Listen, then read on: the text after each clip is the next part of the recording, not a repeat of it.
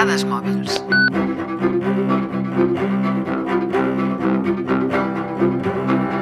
La Tercera Guerra Mundial, el canvi climàtic, l'impacte d'un meteorit o una apocalipsi zombi. Les raons per les quals el planeta Terra està en perill són teòricament infinites. Però no us amoïneu perquè en cas que tots els cultius i aliments es veiessin afectats, hi ha un banc de llavors a l'Àrtic que ens permetria començar de zero, almenys pel que fa a aquesta qüestió. El búnquer es situa a l'arxipèlag noruec Svalbard, un lloc amb fred i vent a tan sols 1.300 quilòmetres del Pol Nord i com a búnquer està protegit eh, per diverses portes i compartiments tancats al buit i preparats pel canvi climàtic i l'erosió. L'entrada està ubicada a 130 metres per sobre del nivell del mar, molt per sobre de les prediccions més pessimistes de com pot pujar el nivell de l'aigua en cas de desglàs complet dels pols.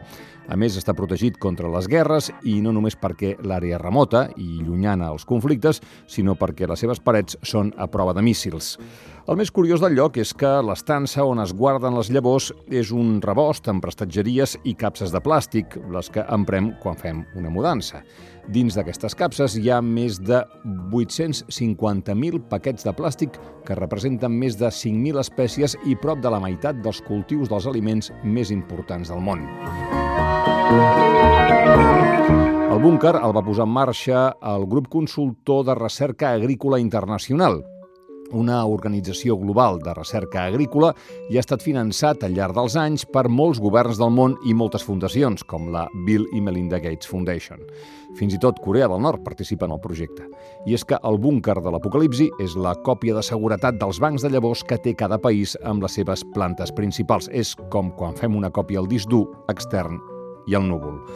Podríem pensar que tenia aquest búnquer i el fet que pràcticament tots els països del món hi participin significa que no anem gaire bé. Eh, potser alguns pensen que mai s'utilitzarà, però la veritat és que ja s'ha fet servir. El Líban i el Marroc van reclamar 128 caixes per poder reviure plantacions ja extingides al seu país. Les llavors del búnquer són més fèrtils i resistents i els agricultors de l'Orient Mitjà, amb aquesta mesura, podran duplicar els aliments i els cultius. I tot gràcies al búnquer de les llavors de Svalbard.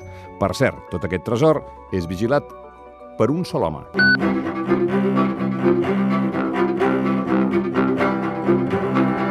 Diríem que controlar que tot vagi bé en un edifici o en un magatzem, tot i que segur que té coses molt bones, no seria la feina més apassionant del món, però quan el teu dia a dia consisteix en vigilar el búnquer de l'apocalipsi, la cosa ja es posa més interessant. Un dimarts qualsevol de l'hivern passat, Robert Jerke, com cada dia, va mirar el seu monitor a l'escriptori del despatx i se'n va donar que el futur de la civilització humana estava en perill. Ens trobem a Svalbard, un arxipèlag noruec més a prop del Pol Nord que de la seva capital, Oslo.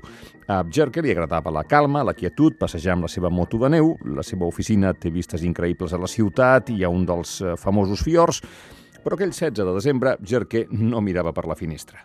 El magatzem de llavors d'Esvalbard, edifici al seu càrrec, està per sota, estava per sota de la temperatura normal. Totes les llavors del món, guardades en cas d'apocalipsi o de crisi agrícola, estaven en perill imminent. 4.000 espècies de plantes, més de 720.000 mostres individuals en bosses de plàstic. L'edifici està fet a prova de guerres, de míssils, d'inundacions i terratrèmols, però alguna cosa fallava. Així que Abjerke va anar conduint fins al refugi i entre vent i neu va descobrir que la falla venia d'una mala connexió elèctrica al sistema de refrigeració causada per unes formacions de gel. Tot el sistema de refrigeració havia caigut i el tècnic a 950 quilòmetres de distància. Les peces es fabriquen a Itàlia, no arribarien fins després de Nadal i el futur de la civilització humana en perill. I després encara ens queixem de la pressió a la feina. Finalment, el tècnic va tenir una idea. Va fer anar en Jerke al supermercat de la ciutat més propera, ja que també treballava per ells, i sabia que el seu congelador emprava el mateix component. I el nyap va acabar funcionant. Un banc de llavors és molt vulnerable als accidents o contratemps. Per això es va fer Svalbard, aïllat del tot. Però aquest aïllament també fa que, en cas d'un problema greu, tot se'n pugui anar a Norris. Hi ha experts que opinen que un banc de llavors no té cap sentit, que l'agricultura no es pot ficar en una capsa i conservar-se per sempre.